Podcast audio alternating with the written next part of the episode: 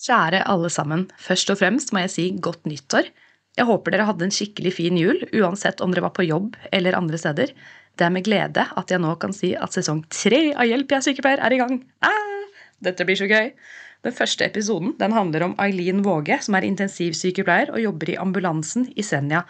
Og ja, den episoden den ble såpass lang og innholdsrik at den er delt opp i to deler, så dere hører nå del én av episoden med Eileen i ambulansen. Jeg sier bare god lytting. Kjør intro.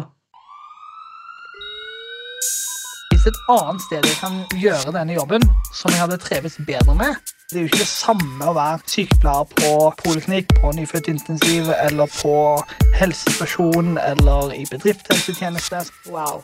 Sykepleierutdanningen. Den åpner helt sinnssykt mange dører. Nå kommer det et lite stikk.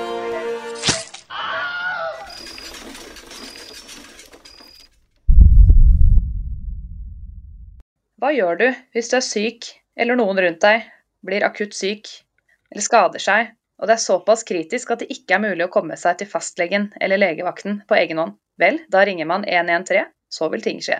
Men hva skjer egentlig da, etter man har snakket med AMK over telefonen og avklart at man skal få hjelp? Hvem er disse dyktige menneskene som jobber året rundt 24 timer i døgnet og redder og frakter pasienter rundt over land og strand i gule biler? Og kan man som sykepleier jobbe i ambulansen? Velkommen til sesongstart av sesong tre av Hjelp, jeg er sykepleier. I dag spiller jeg en online-podkast med intensivsykepleier Aileen Våge, som jobber i ambulansen i Senja. Velkommen til podden, Aileen! Tusen takk, Helene. Ja, vi har jo sittet her og prøvd litt for å få lyd og bilde og at alt skal fungere. Sånn er det. Det, det er alltid litt sånn prøv og feil som hører med. Det er det. Og tech er i hvert fall ikke min sterkeste side, bortsett fra medisinskteknisk. Det er greit, alt annet funker dårlig. samme, samme. Men ja, nå vil jeg høre din historie, hvordan måte, reisen din har vært fra først å bli sykepleier, og så intensivsykepleier og ambulanse, eller ambulansesykepleier. Ja, fortell. Ja, eh, det har vært litt av en reise.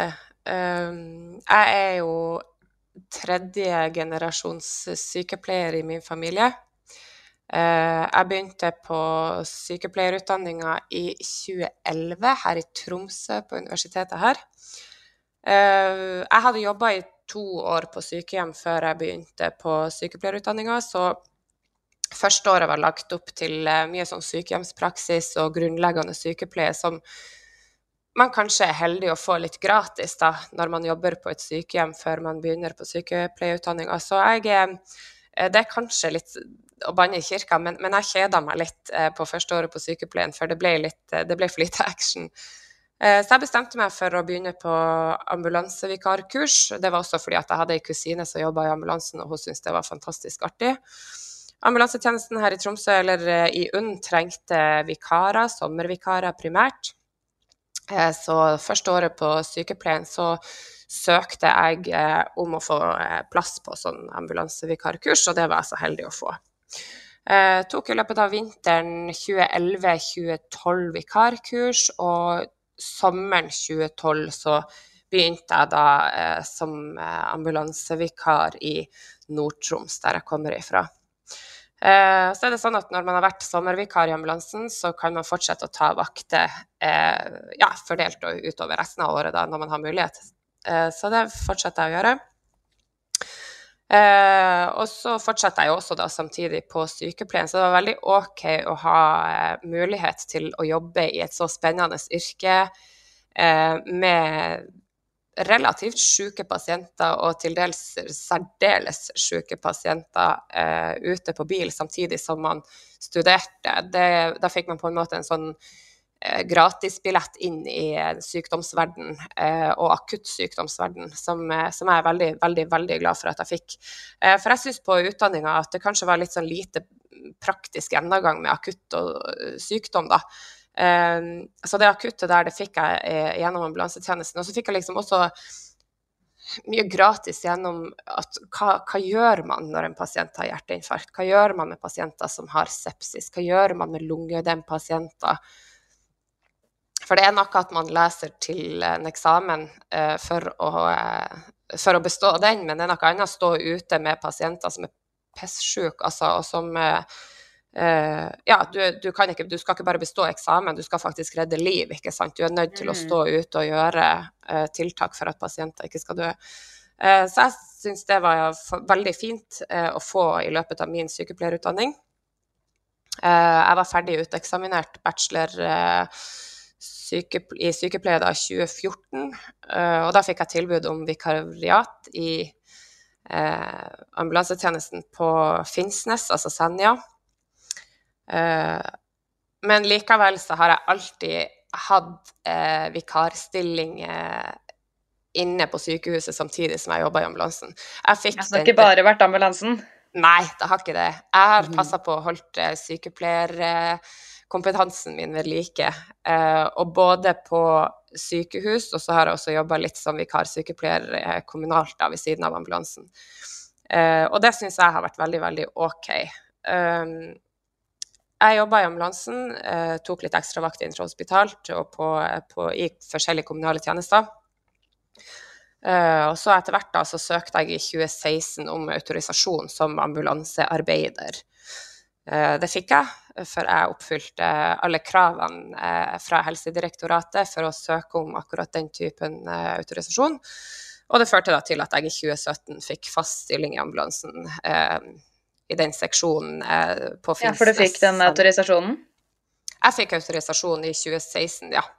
Det gjorde jeg som mm. ambulansearbeider. Mm. og det er det som eh, på en måte må til at du er enten ambulansearbeider, at du har autorisasjon som ambulansearbeider, eller at du er paramedic for at du skal få fast jobb i ambulansetjenesten.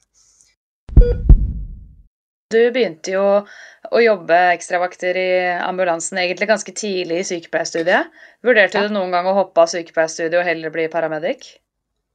Nei, på dette tidspunktet så fantes bare den her nasjonale paramedic-utdanninga. Uh, og det var uh, Det var vel et studie som gikk Jeg tror det var over to år eller noe sånt. Det var ikke en fullverdig bachelor på det tidspunktet. Uh, så nei, det gjorde jeg aldri. Og samtidig så tenkte jeg at når jeg er ferdig eh, sykepleier, så skulle jeg begynne å jobbe da som Eller målretta mot å kunne ta fagbrevet eh, som ambulansearbeider, da. Eh, og det skulle vise seg å være en, en vei som var det var, ikke, det var ikke så lett. Eh, for eh, da må man eh, søke via fylkeskommunen osv. osv. Og, og det viste seg å være et forferdelig tungrodd system.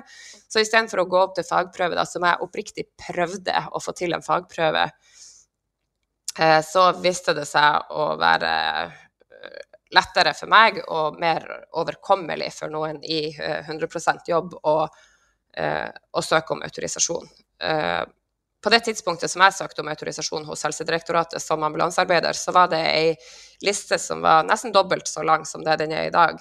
Uten at jeg er helt sikker på hva som står i den per dags dato. Men det var veldig mange krav som skulle fylles opp, og det var mye som skulle dokumenteres, bl.a. fødsler, og at man hadde tatt eksamener her og der. Uh, så ja, det var Jeg var veldig fornøyd når jeg fikk den autorisasjonen, for jeg følte at jeg hadde jobba for den. Ja, virkelig. Jeg trodde man måtte ta fagbrev for å få autorisasjon. Nei, når du har en autorisasjon som helsepersonell, eh, så kan du søke om autorisasjon på bakgrunn av eh, den utdanninga du har autorisasjon i da, og så eh, er det en del andre ting som du er nødt til å oppfylle, en del kurs osv. osv. Og den smørbrødlista finnes på Helsedirektoratet sine sider. Men uh, de har altså funnet, de har funnet meg god nok i 2016, og det er jeg veldig glad for. Så gøy. Ja, så det er en lang eh, smørbrødliste med ting man skal igjennom. Men uh, spørsmålet mitt er jo egentlig nå hva kreves for å kunne jobbe i ambulansen? Og hva er på en måte spesifikt for sykepleiere som jobber der? Nei, altså for sykepleiere så er det enda det, enda det samme kravet som det jeg akkurat har forklart. At uh, du må være sykepleier, du må ha vikarkurs eller være sykepleierstudent. Studenter har på en måte en sånn uh, det er et så lite avvik i, uh, i, systemet. For de har jo ikke noen form for helsefaglig autorisasjon, men de får lov til å ta vikarkurset likevel for å hjelpe i sommer, sommeravvikling osv. Uh, men man er nødt til å uh, enten studere noe helsefaglig eller ha en helsefaglig autorisasjon. Og så må man ta det vikarkurset ved, den, ved, det respektive foretaket, da. Ja, kanskje du kan si litt om det vikarkurset, hva er det det inneholder, og hvor lenge varer de kursene? Vi lever jo i eh, effektivitetens eh, verden, så jeg tror at de har korta betraktelig ned på antall eh, oppmøtehelger, eller ja, oppmøtetidspunkter på det kurset, sånn som det er nå. Men man går jo igjennom Altså, det er en del sykdomslære, det er, det er anatomi og fysiologi, det er en del eh, patofysiologi, eh, medikamentregning, eh, farmakologi. Det er mye traumatologi man lærer på de ambulansekursene. Man tar en del traumekurs, man tar en del eh, sånne nettbaserte, eh, avanserte medisinske kurs. Det er mye praktisk øving Eh, både med nødnett, altså de, de her walkietalkie-greiene som vi bruker på jobb. Eh, men så er det også praktisk øving eh, på caser, da. Syke pasienter, traumecaser, ja, osv., osv. Og så er det jo da sånn i, også i ambulansen at, at, det er Du kan aldri forberede deg på alt. Så det er veldig fokus på alle disse kursene, på de her undersøkelsesmetodikkene, da. ABCDE, som er primærundersøkelsen, og så får man eh, sekundærundersøkelsen med sampler og OPQRST, som sikkert mange av lytterne dine har hørt om, eh, som da på en måte skal hjelpe oss å skrenke inn hva er hovedproblemene her, hva er, hva er det som plager pasienten, og er pasienten kritisk eller kanskje ikke så kritisk eh, i behov av helsehjelp, da. Ok, men du tok jo også videreutdanning eh, og ble intensivsykepleier. Eh, hvor kom den ideen inn? Jeg hadde veldig lyst til å ta eh, spesialutdanning som sykepleier. Jeg følte på en måte at jeg trengte litt mer ja, faglig kompetanse i bunnen da. Jeg hadde lyst til å utfordre meg sjøl. Jeg liker veldig godt å studere. og da landa jeg på intensivspesialiseringa fordi at Eh, det er veldig allsidig spesialutdanning. Uh, og jeg holdt på å si meg beskreven som sykepleier er vel kanskje ganske allsidig. Jeg har jobba veldig mange steder, jeg er vant til å å si, jobbe under mange forskjellige forhold. Uh, så jeg liker den allsidigheten. Jeg liker å kunne litt om alt, og jeg liker å, ja, å ha kompetanse i bunnen. At, at, jeg vet på en måte at det jeg gjør, er Eh, forskningsbasert, da, og at det er korrekt eh, måte å gjennomføre jobben min på. Eh, med intensivspesialiseringa så har man også mulighet til å jobbe veldig mange plasser. Det er ei utdanning som ja, gjør at, at, du er på en måte kvalifisert til å jobbe på de fleste stedene på sykehus. da. og samtidig er det ei veldig god og, og, svært kompetansegivende utdanning Eh, med et bredt spekter av forskjellige praksiser man skal i. Man skal gjennom et helt hav av eh, altså sykdomslære. Uh, og det er jo utrolig artig å ta et sånn dypdykk inn i anatomi og fysiologien. Hvorfor blir man syk? Hva er det som skjer med en sepsis, f.eks.? Helt ned på cellenivå. Uh, og det er litt sånn uh, Det er veldig gjenkjennelig fra den sykdomslæren som man har på sykepleierutdanninga, men samtidig så er det så ekstremt kompliserte greier som skjer. Og det fikk vi da inn med teskje på intensivutdanninga. og det jeg elsker å vite hvorfor ting skjer, og hva det er som gjør, osv. osv. Så, videre, og så, så det var en veldig artig utdanning, og det skjønte jeg veldig fort. For at på intensiven det er et intensivt studie, for å si det sånn. Ja, det har jeg skjønt, at det er ikke for latsabber. Nei, det er ikke for latsabber. Så vi starta egentlig veldig eh, rett på med den sykdomslærebiten, da. Så jeg fikk jo veldig blod på tann fra første sekund. og hadde bare, jeg hadde masse, jeg hadde lyst til å henge opp knagger. altså Alle de knaggene ble fylt ganske fort, da. Og så ville man bare vite mer og mer og mer, og så får man jo det etter hvert i praksis også, det. Og det er Ja, det, var, det viste seg å være veldig riktig for min del. Mm. Får du brukt eh, denne videreutdanningen da, i ambulansen? Ja, jeg var ferdig med masteren eh, Jeg var ferdig med master i intensivsykepleie i 2020. Eh, og da gikk jeg tilbake i jobb i ambulansen. 100 Jeg har likevel samtidig alltid jobba som vikar både på intensivavdeling og på akuttmottaket i Tromsø, da. Eh, og nå jobber jeg eh, 50% i ambulansen, jeg jobber 50% på AMK, og jeg vil si at jeg bruker min intensivutdanning på begge stedene. Eh, I aller høyeste grad. Eh, det er jo ikke hver dag man på en måte kjører eller har de pasientene i ambulansen som kan kategoriseres som en intensivpasient. Eh, men det hender, og når det hender, så er det sinnssykt digg eh, å føle at man mestrer de eh, pasienter og den behandlinga de pasientene krever. Det vil jeg tro. Kan du bare kjapt fortelle forskjellen på AMK og ambulansen? For jeg tror at mange kanskje blander det litt. Ja, det, det, gjør media også, for å si det sånn. Det står ofte i media at AMK rykker ut. Ja, AMK på stedet. ja. AMK, det er akuttmedisinsk kommunikasjonssentral. Det er det forkortelsen står for. Og det er altså dit du kommer når du ringer 113. Det er vi som svarer 113 med medisinsk nødtelefon. Eh, og så er det vi da som tar en vurdering på om vi skal sende ut ambulanse, luftambulanse, luftambulansefly, eller om vi ikke skal sende noen ut av delene.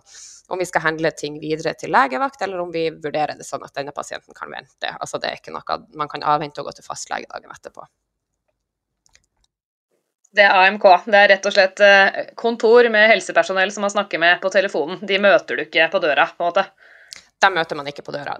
Det, det skjedde før at AMK kanskje rykka ut, fordi da hadde man en sånn bytteordning i veldig veldig gamle dager. Det er jo helt fjernt for oss å tenke nå på at folk som satt på AMK, faktisk rykka ut.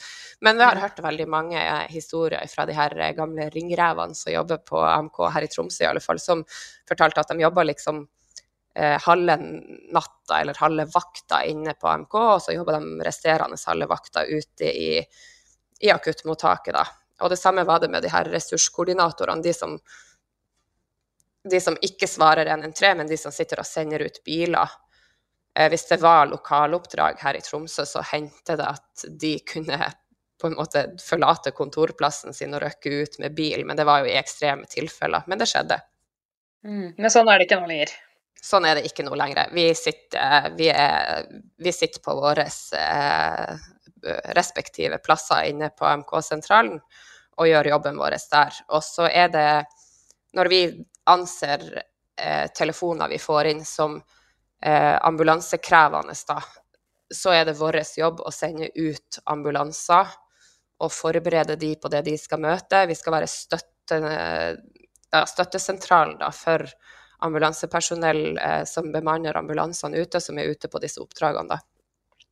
Så det er forskjellen på AMK og ambulansen. AMK tar imot, selekterer, sorterer, vurderer, og så er det da ambulansene som rykker ut til pasientene. Det er de som kommer hjem på døra og vurderer deg og gir behandling osv. osv. De som har røde drakter og kjører gule biler. Yes. Men hvem er disse folka, da? Hva slags type helsepersonell er det som jobber på ambulansen? På ambulansen så jobber det ambulansearbeidere, det jobber paramedics, det jobber eh, vikarer, lærlinger. Man har eh, sykepleiere som jobber som vikarer, man har eh, ja, eh, paramedisinstudenter som jobber som vikarer. Eh, det er studenter som jobber som vikarer. Lærlinger som er i et lærlingforløp, jobber også som vikarer. Eh, ja. Er det mye vikarer? Høres sånn ut? Eh, det er en del vikarer. Ambulansetjenesten, som alle andre holdt på å si, helsefaglige retninger, er, er avhengig av at man har vikarer for å kunne hjelpe opp. Både i sommeravvikling og ja, i holdt på å si, turnus generelt, så vil det jo alltid mm. foreligge en del ja, sykemeldinger, folk som er borte. Uh, ja. Både i tid og utide. Så vikarene, de er gull verd. Ja, men dere har faste ansatte også? Vi har faste ansatte. Og så er det sånn at eh, vi, eller de, de, som jobber hos oss som ikke har autorisasjon, uh, de kan ikke bemanne en bil alene. Det kan aldri være to vikarer på jobb i lag. Det spørs jo da hva det hender jo at man har vikarer som også har fagbrev. Altså det, er, det, er, jo sånn som jeg som jobber på intensiven. Jeg er jo likevel en intensivsykepleier om jeg jobber som vikar. Uh, så det hender at uh, det er to vikarer som er på jobb, men da er det krav til uh, kvalifikasjoner hos de vikarene. Da. Det skal alltid være mennesker med kompetanse, eller papirene i orden, holdt jeg på å si, som, som skal mm. være på bil. Eh, så jeg kjører jo da både med lærlinger og, og vikarer, fordi at jeg er fast ansatt med autorisasjon og, og utdanninga i orden, da. Hva slags type førerkort er det man må ha for å kjøre en ambulanse? Du må i utgangspunktet ha vanlig eh, bilsertifikat, altså B-sertifikatet. Og så for å kjøre utrykning må man ha det som, koster, nei, det som kalles eh, 160-koden. Eh, for å kjøre de ambulansene, de store sprinterne og de nye krafterne som sikkert mange har sett rundt omkring, så kreves det også C1-sertifikat. Det kommer an på hvor tung bilen er og hva bilen Er det for en liten lastebil? Det er en liten lastebil, C1, ja. ja. Mm. Eh, så det kommer an på hvor tung bilen er, og hva bilen i seg sjøl krever for at man bare skal kunne kjøre den. Eh, for å slå på blålysene så kreves 160-koden, eh, som det kalles.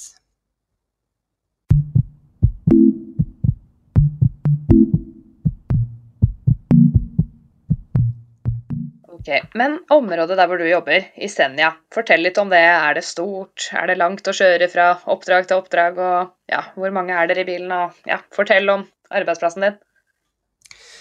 Ja, på Finnsnes, som jeg er ansatt, det er jo på en måte da kommunesenteret for Senja kommune. Eh, der eh, vi bruker vel om, mellom to til en og en halv time inn til sykehus. Eh, en og en halv time, det er på gode sommerdager, for å si det sånn. Eh, og så kan vi bruke godt over to timer på de verste vinterdagene når det er drittføre og vi sliter med å se hvor vi er hen, holdt jeg på å si. Eh, men så er det sånn at uh, ute på sjølve Senja, på øya Senja, den verdens vakreste øy, Eventyrøya, der har vi også tre ambulansestasjoner. Og hvis man får oppdrag ute på ytterste Senja, så bruker man godt over tre timer inn til nærmeste sykehus, altså. Uh, det er Ja, det er lange avstander. Det er mange mil vi tilbakelegger i, i ambulansen. Eh, og det er også da lang tid før pasientene får eh, optimal behandling på sykehus. Ja. Ja. det var det jeg tenkte. At det er, eh, man skal være tøff for å være pasient i Nord-Norge. Det er lenge å vente på, på, ambulansen. Men hvis det er helt, helt akutt, at det er liksom obstruksjon i luftveier, er det heller da luftambulansen som tar det oppdraget, eller hva gjør dere da? Hvis dere liksom er to timer unna og det er noen som holder på å stryke ned? Ja, da forespør vi bistand fra luftambulanse, eh, primært av eh, helikopter. Det er ingen flystripe på Senja. Eh, så der er vi nødt til å forespørre helikopter. Nå har vi jo et Vi har jo ganske nylig fått et redningshelikopter i Tromsø, men tidligere har jo vi vært avhengig av de her luftambulansehelikoptrene. Og da er man igjen avhengig av været for at de kan lande og fly hos oss. Og på de aller verste vinterdagene så er det ikke bestandig at de kan fly. Så da er man, eh, da er man litt eh, prisgitt eh, ja, om veiene er åpne, holdt jeg på å si. Ja, rett og slett. Ja. Da, da, må, vi, da hørt, må, vi, kjøre. Mm. Ja, jeg har jo hørt at uh, pasienter i Nord-Norge er litt tøffere, fordi uh, ja, man skal tåle litt mer. Man kontakter ikke liksom, lege eller ambulansen for uh, hva skal jeg si, ting som de kanskje anser som småting. Da. Men at man også da kanskje kan vente litt for lenge før man kontakter helsepersonell. Jeg hørte det var en lege som fortalte at det var en litt eldre dame da, da hun på en måte endelig hadde tatt seg bryet til å kontakte legen. Hun hadde hatt litt brystsmerter og vondt i magen i fire dagers tid. Hun hadde hatt hjerteinfarkt da, som hadde gått rundt i fire dager.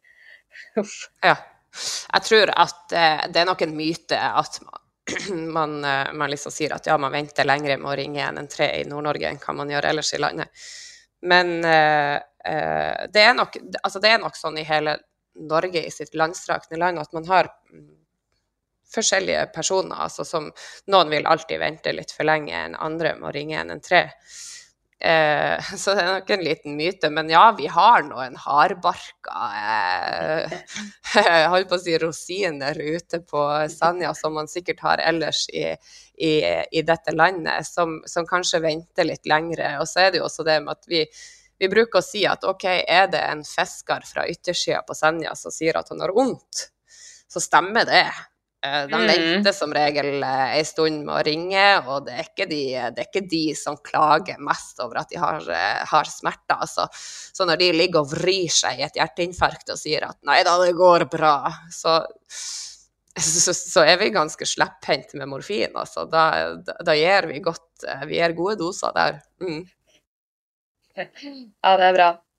Men kan du si litt om dine oppgaver og ditt ansvar på jobb når du er i ambulansen? Ja. Når jeg kommer på jobb, så eh, får vi alltid Vi har alltid et eh, vaktbyttemøte Eh, der får vi vite om eh, ting med bilen, altså praktiske ting som er viktig for oss å vite. Eh, for utstyrsrapport, ikke sant, osv. osv. Vi får beskjed om veier som har vært stengt, veier som skal åpne, om det har vært noen problemer med nødnettet, om det er planlagt noen problemer med nødnettet, vedlikeholdstid osv. osv. Når vi er ferdig med den rapporten, så skal vi ned og så skal vi sjekke bilen. Det første vi alltid gjør, er å sjekke at bilen funker. Eh, hvis ikke bilen starter og hvis ikke bilen fungerer optimalt, eh, så er det på en måte ikke vits å sjekke resten av utstyret, for da er hovedverktøyet vårt ikke i orden. Eh, så vi starter alltid med det. Og så er det det å Vi, har vaktsjekkliste. Der vaktbyttesjekkliste som vi skal, vi skal gå igjennom for å ja, rett og slett kvalitetssikre at utstyret vårt fungerer sånn som det skal. Og da er det jo primært det her akuttutstyret da, som vi sjekker. Uh, at vi har at monitoren vår, kårpuls, at den funker, at vi har alt utstyret vi trenger i akuttsekken, at vi har nok oksygen både i bilen og i oksygensekken. Uh, at varmeskapet til væska faktisk fungerer, at det varmer den væska som ligger i varmeskapet. Ja, at vi har de medisinene som vi skal ha, at det er fylt inn. Vi signerer, vi har medikamentkontroll på hvert vaktbytte. Da skal vi sjekke A- og B-preparater. ja, passe på at eh, de, får, eh, altså de som har gått av vakt, har signert, og, og, og, at de har lagt tilbake de medisiner som de har brukt, osv. osv. Uh, så er det jo da å, å, planlegge litt med den du er på jobb med, at hvordan skal vi nå strukturere vår arbeidsdag? Hvem som skal gjøre hva? Vi bytter som regel på å kjøre den bilen. Det spørs jo litt om hvem som har hva slags sertifikater, da. Uh, men så er det litt sånn, vi, vi bruker, primært bruker jeg med alle jeg er på jobb i lag med, å kjøre annethvert oppdrag. Uh, sånn at man får uh, holdt på å si litt pause. Hvis vi har mye å gjøre, så er det fint å bytte litt på hvem som sitter bak med pasienten, og hvem som ikke gjør det, for man kan jo bli litt sliten ut av det òg. Men hvis man, hvis man, skal kjøre langt, så, så bytter vi som regel på hvem som kjører bilen, og hvem som sitter bak i løpet av oppdraget. da. Fordi at det kan være krevende å kjøre over lange avstander, og man kan ja, man må ha konsentrasjon på riktige steder, da. Mm. Ok, Så dere er alltid to i bilen? En som kjører og en som tar seg av pasienten når dere eventuelt har plukket opp han eller henne? Ja, vi har alltid to stykker på bil. Eh, det hender også at vi er tre eller flere på bil, for at det hender at vi har studenter, hospitanter, lærlinger. Eh, og da blir vi litt flere. Men for at en ambulanse skal eh, kunne kalles operativ, så må det være to stykk med riktig kompetansenivå som, eh, som bemanner den bilen, ja. Mm. Ikke sant. Og hvor mange er dere på jobb i løpet av en dag? Hvor mange biler måte, er i drift? På Finnsnes er det faktisk tre døgnbiler. Uh, og da er det jo da seks stykk, to stykk eh, som bemanner hver bil, i alle fall. Det hender det er veldig sjelden at vi bare er seks stykk på jobb. Altså, vi har mange hospitanter, vi har eh, lærlinger, vi har studenter. Ja. Vi, har, vi er i alle fall seks stykk på jobb i lag, alltid på Finnsnes. Under særdeles kritiske forhold, hvis det er mye sykdom og man ikke får tak i folk, så kan det jo være at biler er utmeldt. Men vi skal være vi skal være seks stykker på jobb på Finnsnes, der som jeg jobber primært eh, 24-7 hele 365 dager i året. Altså. Eh, på de her utestasjonene på Senja så er det bare én bil på hver stasjon. Eh, så da er de jo to stykker på jobb i lag, da. Mm, jeg må si Dere har en veldig fin Instagram-profil, både du og Ambulansen Senja for så vidt. Så alle som hører på, sjekk ut eh, Ambulansen Senja på Instagram. Hva er det du heter? Våge9? Jeg heter Vågen I, men jeg driver også Ambulanse Senja på Instagram. Eh, det er en veldig artig konto som vi har laga, eh, egentlig på oppfordring av, eh, fra sjefene mine, at vi skulle starte med å, med å lage litt sånn stasjonskonto, da. Og vi har fått veldig mye positiv feedback på, på den kontoen, da, både på Instagram og på TikTok. Med, ja, vi har jo litt sånn humor, litt fag, litt oppfordringer til befolkninga. Det er egentlig litt av hvert. Og så er det litt sånn ymse med hva man av og til kan det gå litt tid mellom at vi publiserer noe. Uh, men uh, vi prøver nå å holde den opp, uh, oppe og gå, holdt jeg på å si. Og så, så er det jo enkelte perioder i, i, livet, holdt jeg på å si, der man, der man poster litt mer og kommer på litt flere artige ting å gjøre enn en andre dager, der det kanskje er litt mer labert, og man har litt mye å gjøre på jobb som, som ja, gjør at man får litt mindre å prioritere det virkelige livet framfor Instagram. Yes. Selv om Instagram er jo, det er jo litt gøy. Jeg, jeg, kan jo ikke si noe annet, jeg er jo ganske aktiv der selv. Ja. Men nå skal jeg stille kanskje det mest spennende spørsmålet. Hva kan dere møte på i løpet av en dag? det er vel kanskje lettere å, å, spørre hva vi ikke kan møte på. Hva er liksom vanlige caser da, som dere møter på i løpet av en dag eller i løpet av en uke? Nei, Vi har en del overflytninger. Vi har en del planlagte timer der pasienter skal flyttes fra A til B. Det, dette er pasienter som ikke kan ta taxi. De, kan, de er nødt til å ha ambulansetransport eller de er nødt til å ha helsepersonell som følger dem, f.eks. til sykehus. da. Men vi har jo de her vanlige, si, vanlige diagnosene. Det er jo folk med infeksjon eh, brystsmerter, hjerneslag, FCF, altså brudd, ortopedi. Det kjører vi en del. Eh, traumer. Fødsler.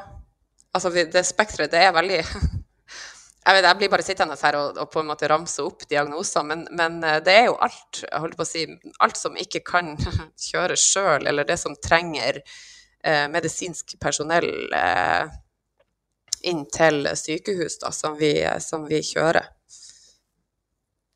Mm. Men eh, det er ikke noe lege med dere? Nei. Eh, vi, eh, nei da, vi kjører egentlig uten lege.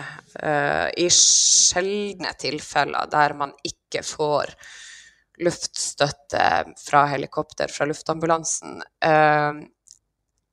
så hender det at man ber om at legevaktslegen skal være med oss inn til sykehus.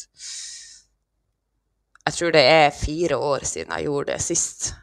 Eh, men det er jo i ekstreme tilfeller med, med kjempesjuke pasienter der man tenker at det må være flere hender eh, i løpet av den transporten, da, og der man trenger noen med myndighet og beslutningsstøtte å, for å følge. da. Og da er det primært eh, syke barn, akutt syke barn, som jeg har brukt eh, fått legevaktlege til å være med. Og det har vært veldig OK, altså. Det har vært veldig, veldig, veldig fint å kunne ha med seg den tryggheten og den støtten underveis inn til sykehus, fordi at spesielt barn er så skjøre, da, at det er Ja, det, det, er veldig OK å ha noen voksne med seg, da, holdt jeg på å si, som kan, som kan hjelpe og bistå uh, hvis det virkelig skulle bli ille, da. Mm. Men sånn uh, Luftambulansen, der har de vel med lege, og kanskje ofte anestesilege, har de ikke det? Hvis de plutselig må på noe akutt som krever at de må intubere eller lage trakeostomi eller I don't know, jeg bare ser for meg noen scenarioer her. Ja, altså Luftambulansehelikoptrene i Norge eh, er det krav om at det skal være anestesileger om bord på.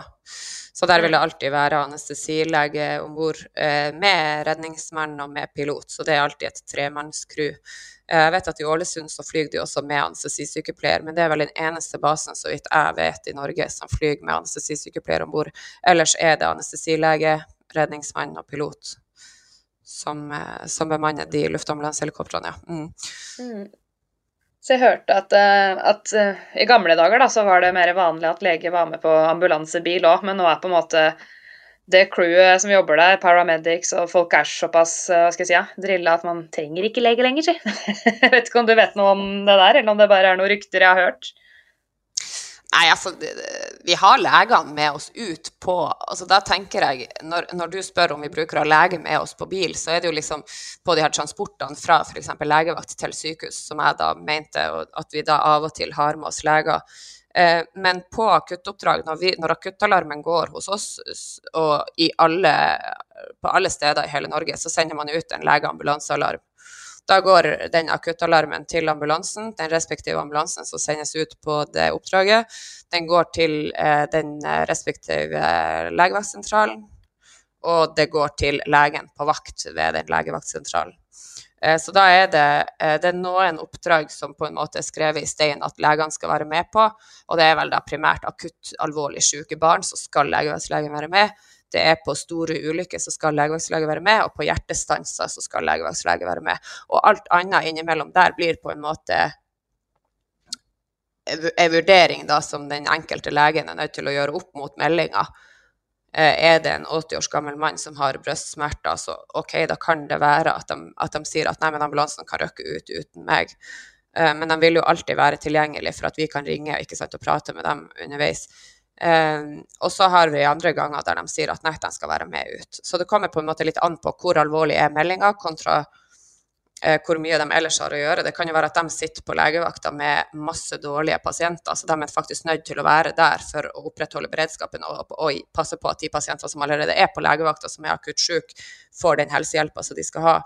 Uh, og så kan vi fære ut og vurdere pasientene prehospitalt, da. Og så kan vi kanskje mm. kjøre dem hvis vi er usikre på om pasienten skal inn til sykehus eller ikke. Hvis det ikke er en åpenbar sykehusinnleggelse med en akutt syk pasient, så kan det være at vi kjører innom legevakta for å få en eh, vurdering der. At vi avklarer pasienten, eller stabiliserer pasienten på legevakta før vi eventuelt kjører videre inn til sykehus. da. Mm.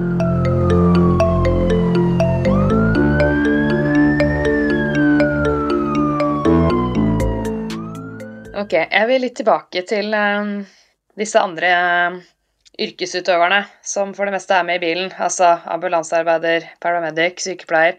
Er det noe forskjell på hvem som kan gjøre hva av oppgaver? Hos oss har vi forskjellige delegeringsnivåer på medikamentene. Så der er det sånn at du må ha eh, videreutdanning i form av sykepleier eller paramedic pluss ett år da, i drift som sykepleier eller paramedic før du på en måte oppnår det eh, øverste nivået av delegering. Uh, og da er det primært da med, uh, med, med ketamin, mener jeg det. Der man må ha, og det kan også ambulansearbeiderne oppnå. Etter ti års ansiennitet så får også ambulansearbeiderne delegering. Jeg mener det er ti års ansiennitet. Nå skal jeg ikke skrive, nå skal jeg ikke være for bastant på det. Eh, men ja, det er på en måte litt forskjell på når man kan gi de her medikamentene. Men har man nok erfaring og har man eh, jobba lenge nok, så er det sånn at alle sammen kan gi de samme medikamentene. Mm. Eh, men eh, det er en del Det er noen forskjeller der. Men vi har på eh, alle medikamentene som vi, vi har i ambulansen, så har jeg sånn som det er nå stående delegering på uh, mesteparten ut av de. Det er enkelte tilfeller med aminofilin og uh, jeg mener det også er Sulocortef, så må man vel vurdere med en lege om man skal gi det eller ikke. Uh, for det er liksom potente medikamenter der man er nødt til å holde tunga litt rett i munnen. da. Og så er det også med ketamin, der er jeg nødt til å ringe inn og f.eks. prate med AMK-legen, så da er helikopterlegen om er du enig med meg at vi gir ketamin her eller ikke, liksom. Eh, men ellers så har vi stående delegering på de fleste medikamentene. Eh, og det, det, mener jeg alle har på et eller annet tidspunkt. Man, eh, de, de, som er helt ferske, som akkurat har tatt fagbrevet som ambulansefagarbeider, de, de har ikke det øverste nivået av delegering. De er nødt til å jobbe seg inn noen år før de får det øverste nivået av medikamentdelegering. Men i forhold til hva man praktisk sett gjør på bil, bortsett fra de medikamentene, så er det null forskjell. Mm. Men så har jeg hørt at det har vært en litt sånn profesjonskamp når det gjelder eh, sykepleiere versus andre yrkesgrupper i ambulansen, og spesielt når det kommer til lønn og hva man har krav på av lønn. Kan ikke du fortelle litt om det? Jeg tror ikke det har vært en profesjonskamp eh, hva det angår lønn. Jeg tror det har vært en profesjonskamp eh, for man, eller hvem som skulle ansettes i ambulansen. Det er vel det den profesjonskampen går ut på. Eh, når det kommer an eh, eller når det kommer til lønn, da, eh, så er jo det på en måte Vi, har, vi kjører jo, vi sykepleierne i ambulansen ønsker jo veldig gjerne å få sykepleierlønn. Det gjør vi per dags dato ikke i det foretaket som jeg jobber i. Og det er jo på en måte en kamp vi kjører helt for oss sjøl. Det er jo et helt separat løp. Det er jo de andre som jobber i ambulansen, har jo på en måte ingenting å si på det.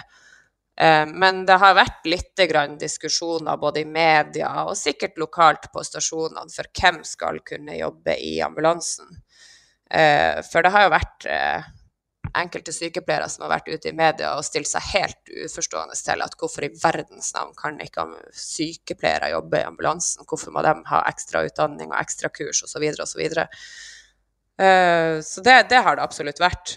Vi, vi, har ikke lagt så veldig godt merke til det hos oss, fordi at vi er veldig Altså, ja, nei, det er en god del både sykepleiere og ambulansearbeidere som er hos oss, og vi Det har jo vært enkelte diskusjoner, men jeg kan ikke si at det har vært en sånn profesjonskamp der det har stått opp mot en annen på en måte vært kjempeuenig.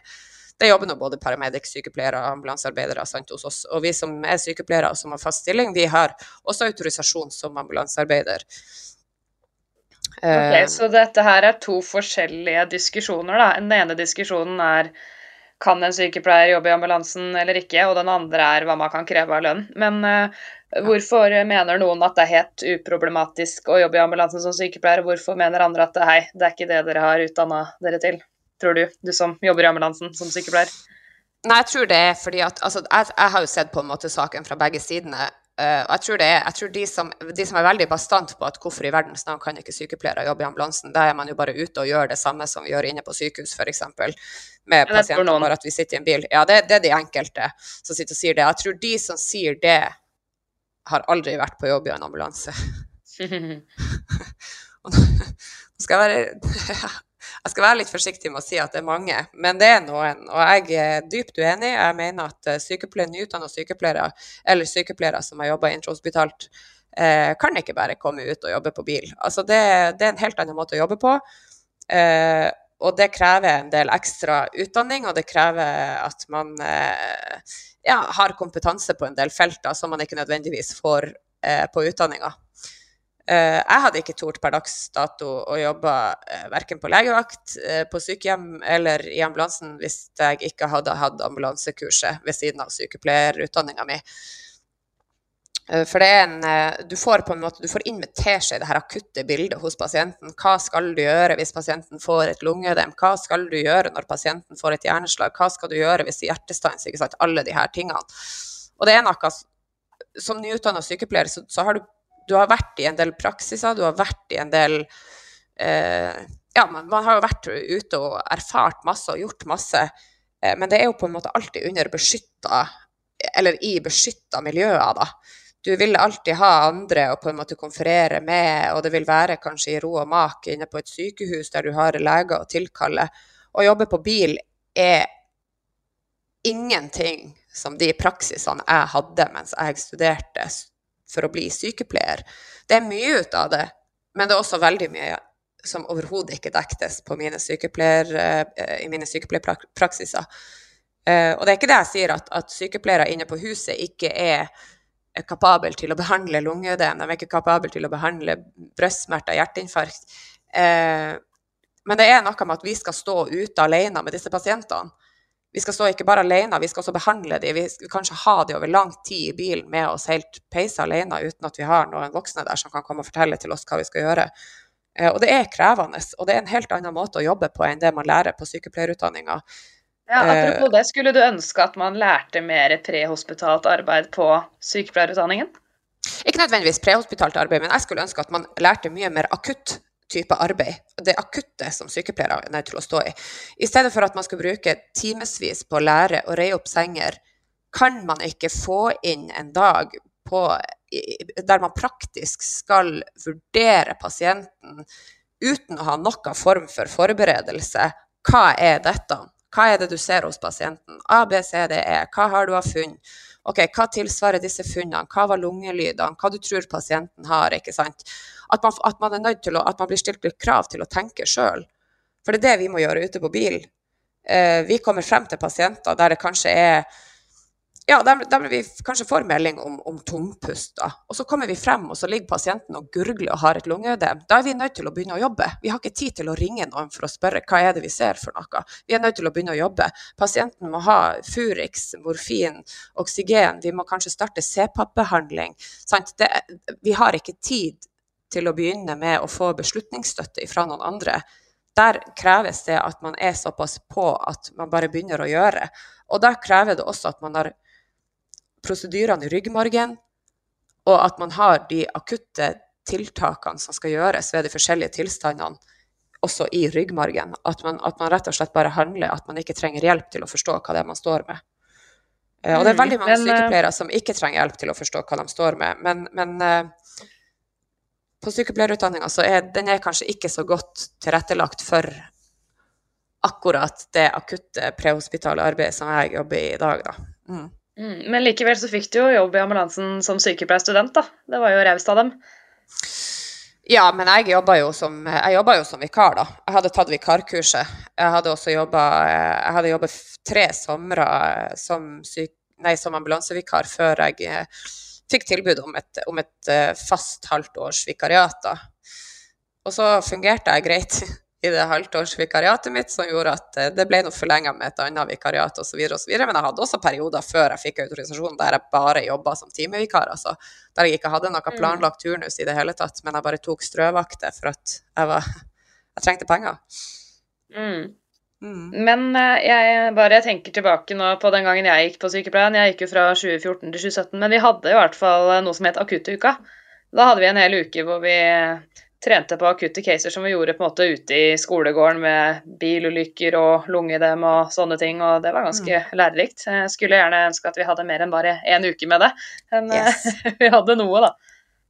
Ja, det hadde vi også. Vi hadde ei veldig god akuttuke der vi øvde på alle disse tingene som du sier, og vi hadde både hjertestans osv. osv. Men det er ganske mange momenter med en hjertestans som man ikke får som man aldri øver på, dessverre, på sykepleierutdanninga. Eh, og det er jo det her med at eh, sant, når man driver i sløyfe med AHLR, man har gitt medikamenter, man har gitt støt osv., osv., hva når pasienten får rosk? Det øvde aldri vi på når vi hadde, når vi hadde akuttuka vår, eller, eller AHLR-utdanninga på skolen, f.eks. Vi lærte aldri hva gjør vi når pasienten får egen sirkulasjon, hvor går veien videre da? Hva skal gjøres, hva er vi nødt til å følge med på, ikke sant, alt det her. Vi lærte aldri å gi mm. trombolyse. Jeg visste ikke hva trombolyse var før jeg, var, før jeg begynte på ambulansen. sant? Uh, det, det er det litt... noen kaller for plumbo, tror jeg. Det er plumbo, ja. Det Ja. Nei da, så det er, det er, forskjellige aspekter, holdt jeg på å si, med, uh, med utdanningen. Og det er sikkert noen universitet eller sykepleierutdanninger som har veldig fokus på det akutte. Uh, og så blir det jo litt sånn Det blir jo et vurderingsmoment for hvor mye fokus på det akutte skal man ha. Uh, sykepleieryrket er jo ikke det er ikke bare akutte ting, det er masse palliativt, det er masse kreftsykepleie, det er kanskje barnesykepleie, det er helsesøster, det er forebyggende, sant? alt det her.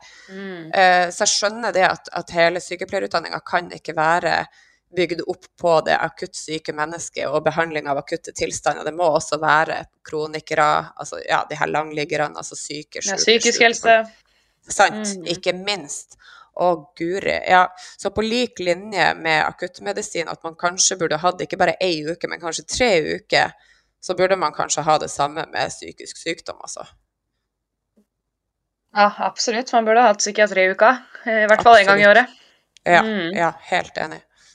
Ja, så da har vi vært eh, litt inne på hvorfor noen mener at sykepleiere ikke bare kan buse inn og få fast jobb i ambulansen. Men hva med dette med lønn, da? At man ikke kan få sykepleierlønn. Og du er jo spesialsykepleier, og sånn jeg skjønte, du får ikke spesialsykepleierlønn i ambulansen.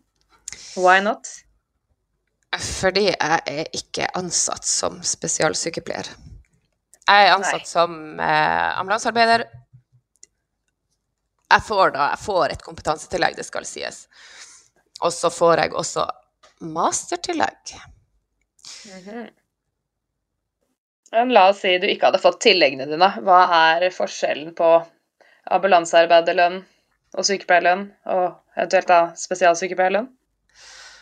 Ja, hvis jeg hadde fått eh, spesialsykepleierlønn som grunnlønn da, i ambulansen, så hadde jeg ligget på 602 000 i grunnlønn.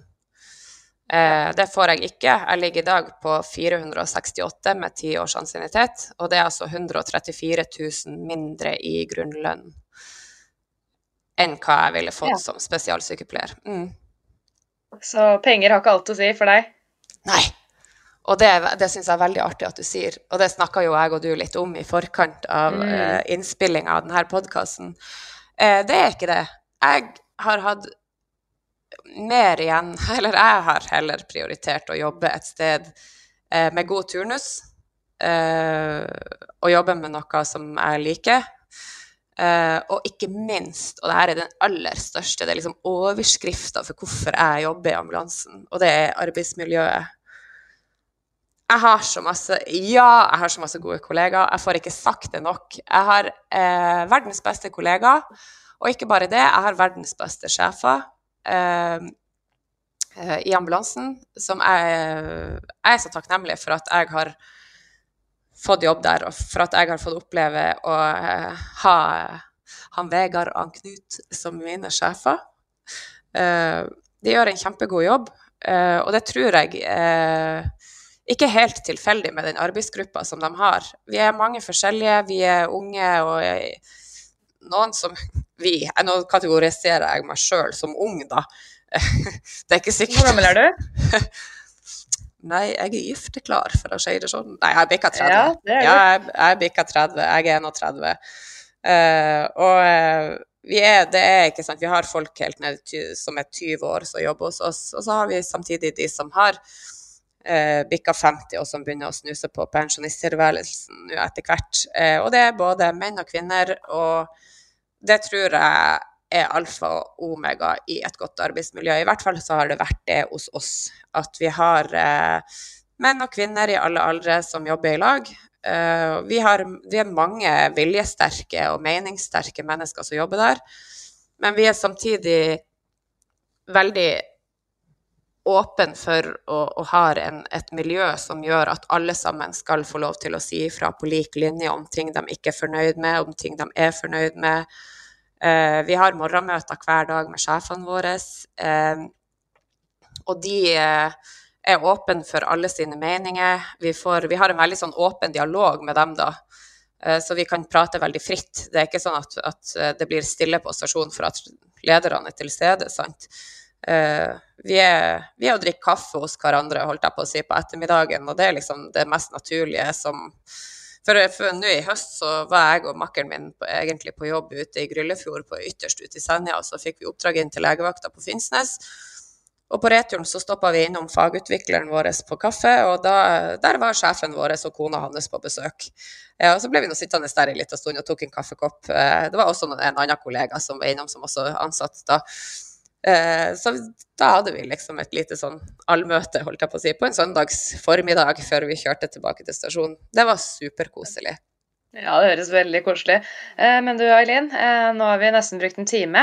Så jeg lurer på Enten så må vi runde av, eller så holder vi bare på, men så deler jeg det opp i del 1 og del 2.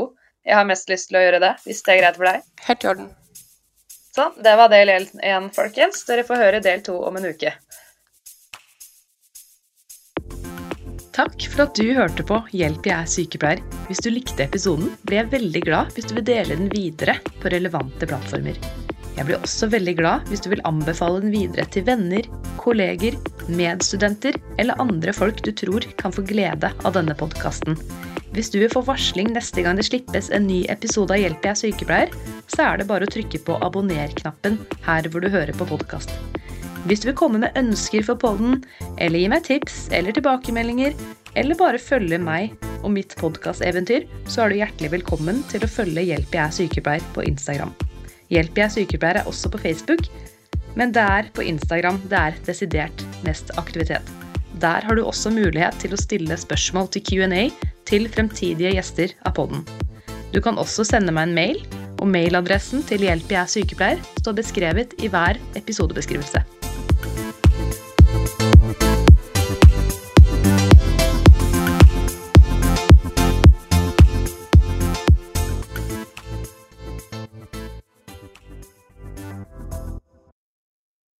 Har du et enkeltpersonforetak eller en liten bedrift? Da er du sikkert lei av å høre meg snakke om hvor enkelt er med kvitteringer og bilag i fiken, så vi eh, gir oss her, vi. Fordi vi liker enkelt. Fiken superenkelt regnskap.